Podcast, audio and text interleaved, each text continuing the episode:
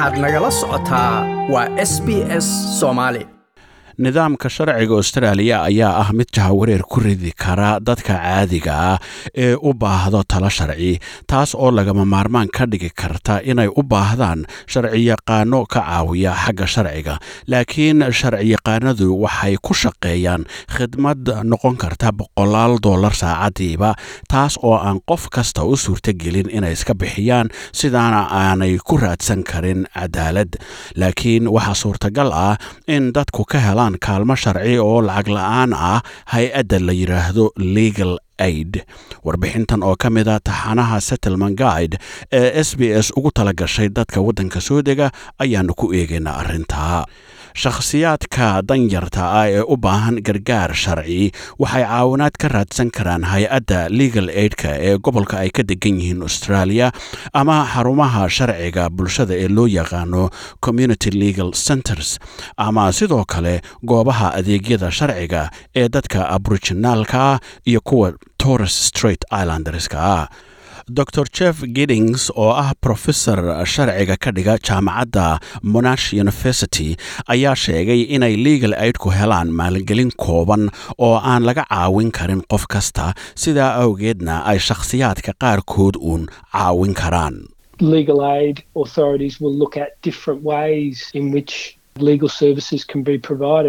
madaxda legal aid waxay eegi doonaan siyaabo kala duwan oo adeegyada sharciga loo bixin karo.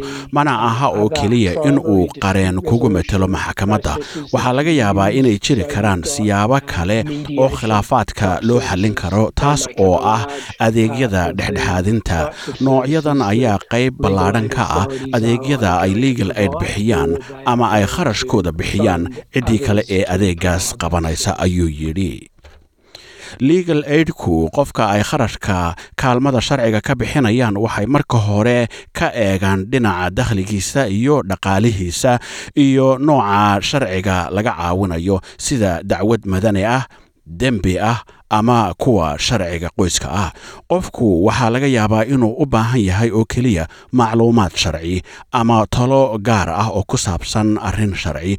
Laakiin haddii qofku u baahan yahay wakiil sharci waa in uu dalbado in laga bixiyo kharashka sharciyaqaanka wakiilka u noqonaya rofesor simon rice oo ka tirsan jaamacadda sydney university kuna takhasusay sharciga ayaa sheegay in dadka dakhligoodu dhexdhexaadka yahay.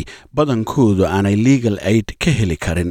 Lacagta gargaarka sharciga rofesor simon rice waxa uu lafaguray macluumaadka statistikada ee legal aidka australia ee muddadii u dhexaysay julaay kii ilaa may kii wuxuuna ka ogaaday in lacagta kaalmada gargaarka boqolkiiba shan iyo lixdan ku baxday rag halka boqolkiiba saddex iyo soddonna ku baxday dumar can't afford legal representation, but they're not eligible for legal aid. The legal aid budget, most of it goes to men and most of it goes to criminal law. In criminal law, dadku ma awoodaan umana qalmaan gargaarka sharciga.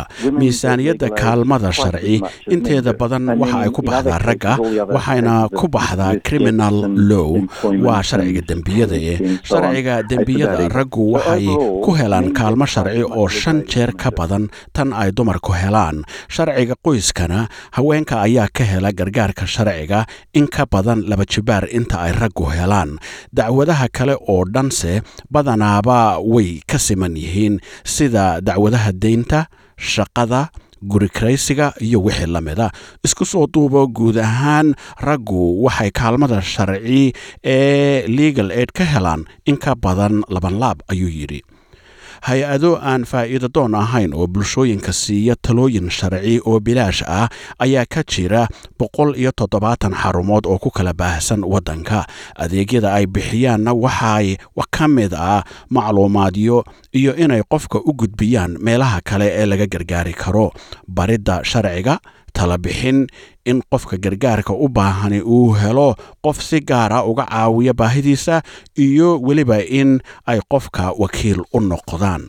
Maamulaha guud ee hay'adda community legal centers australia nasiim araj ayaa sheegay in xarumahan bulshada looga gargaaro xagga sharcigu ay ku dhex yaalaan bulshada dhexdooda aadna ugu xidhan yihiin adeegyada bulshada That might be the neighbourhood centre, the migrant resource centre, all of those kinds of like services that exist at the community level. taasi waxay noqon kartaa neighborhood centers.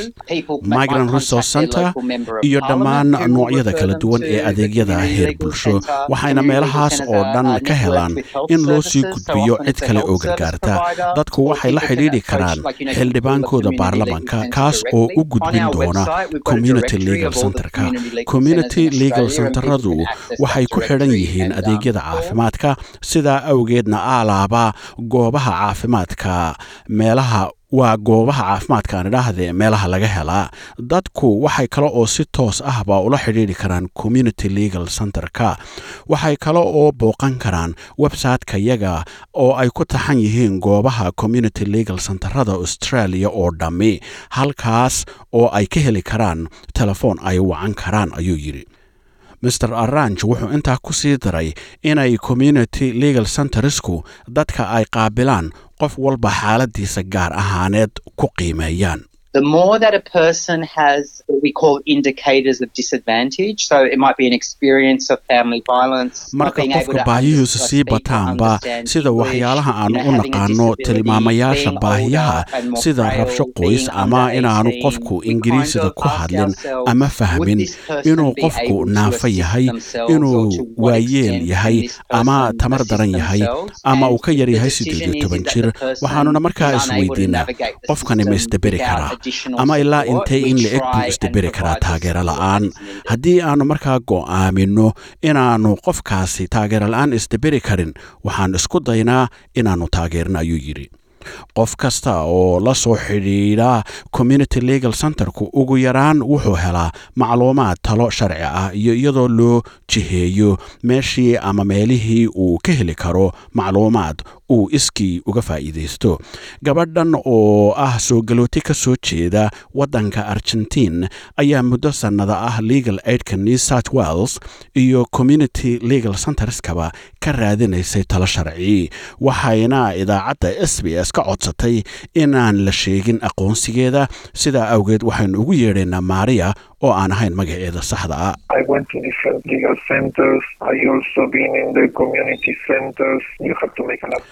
Waxaan tegay xarumo legal aid oo kala duwan. waxaan sidoo kale tegay community centers. Waa xarumaha bulshada ee waa inaad samaysato ballan hal saac ah oo dabadeed tagto. Runtii khibrad wacan uma aanan lahayn sida loo helo adeegyada. Qareennadu waxay ku hadlaan luqad adag. Waxaa ka maqan sida wax loogu sheego qofka caadiga ah. Waxay ku hadlaan erayo iyo weedho sharci oo aadan fahmahayn. Waxaanad runtii dareentaa baqdin ah bal sidee baan waxaan u maarayn doonaa ayay tidhi.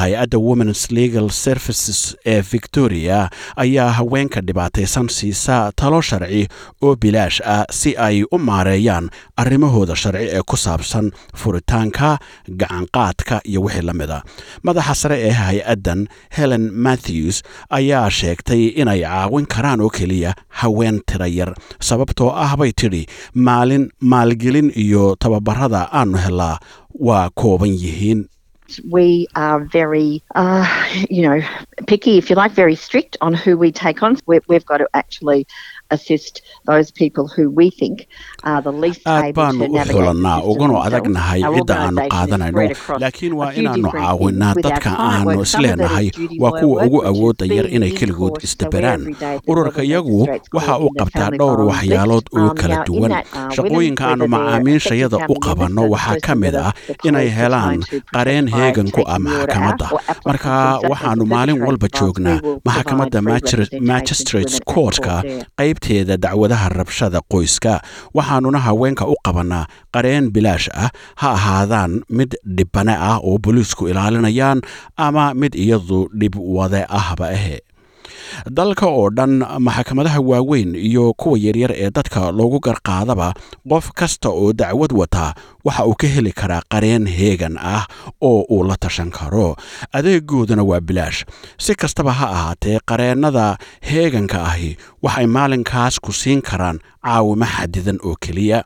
Haddiise dacwaddaadu adag tahay qareenna aadan wadanin wuxuu qareenka heegankahi kaa caawin karaa inaad dib u dhigato maalinka maxkamaddu dhegaysanayso dacwaddaada austraaliya gudaheeda qofka maxkamadda dembiyada dacwad la tegaya ama isaga laga dacweynayo waxaa khasab ku ah in uu keensado qareen matala laakiin maxkamadaha qoyska iyo kuwa madaniga ahba qofku isaga ikhtiyaar u leh inuu iskii isu matelo profesor simon rice oo ku takhasusay sharciga kana tirsan jaamacadda sydney university ayaa sheegay in inkasta oo maxkamaduhu dadka ismatelaya u sameeyaan xaalad ku habboon oo haddana qofka ismatelaya u baahan yahay aqoon sharci oo uu ku diyaarsado dokumentiyadiisa iyo inuu maxkamadda kula hadlaba Generally speaking, the courts are much more accommodating than they used to be of self-represented litigants, but there's a limit as to how far si guud marka looga hadlo maxkamaduhu aad bay u qadariyaan eedaysanayaasha creates a ismetelaya. manageable environment. marka loo eego sidii ay hore u ahaan jireen. laakiin taasi xad ilaa meel ah bay leedahay.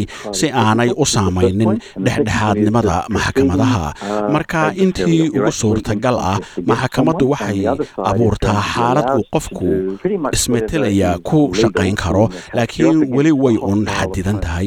Si kasta oo maxkamaddu xaalad sahlan ugu abuurto weli luqadda sharcigu aad bay u adag tahay taasi waa kow. Tan labaadna dacwaduhu waa kuwo iska soo horjeeda. Waxaanad la tartamaysaa qof kale. Dhinaca kalena waxaa loo oggolaanayaa inay isticmaalaan wax allaale iyo wixii sharci ah ee ay ku guulaysanayaan. Markaa waxaa kaa soo horjeeda mucaarad cadow ah oo isticmaalaya hab sharciya oo adag ayuu yidhi jaamacadaha kale ee laamahooda sharcigu adeegyadaas oo kala bixiyaan waxaa ka mid ah jaamacadaha griffith university deakin university bon university iyo kuwa kale. Barnaamijyada ay maxkamadahaasi dadka kaga caawiyaan xagga talada sharciga waxaa dadka sharciga iyo habraaca maxkamadahaba si bilaash ah ugala taliya ardayda sharciga barata oo uu kormeerayo qareen khibrad lahi. Waxaa kale oo jira websaydyo badan oo laga heli karo macluumaad sharci ah oo bilaash ah oo ku saabsan sida maxkamaduhu u shaqeeyaan iyo habraacyadooda. Maariya dacwadeedii weli way socotaa waxayna ku saabsan tahay cidda caruurteeda hayn doonta oo mas'uul ka noqon doona taasoo loo yaqaano child custody. Maria waxa ay qayb ku leedahay guri. Taas awgeedna waxay ka soo bixi weyday shuruudda la yidhaahdo mins test oo ay legal aidku ku qiimeeyaan dadka sidaana ay ku weyday taageeradooda. Waxaana la siiyey taxanaha qareenno mararka qaarkood dadka ugu adeega lacag la'aan. Laakiin inkasta oo ay muddo sannada ah ka daba wareegaysay qareennada weli ma aanay helin cid taageerta. Dhegayste ciddii rabta inay helaan macluumaad ku saabsan qareennada bixiya adeega talada sharciga oo bilaashka ah loona yaqaano brobono waxay ka heli karaan website-ka australian brobono center. Ma doonaysaa sheekooyinkan oo kale? Ka dhegayso apple podcast google podcast spotify ama meel kasta oo aad bodkastigaaga ka hesho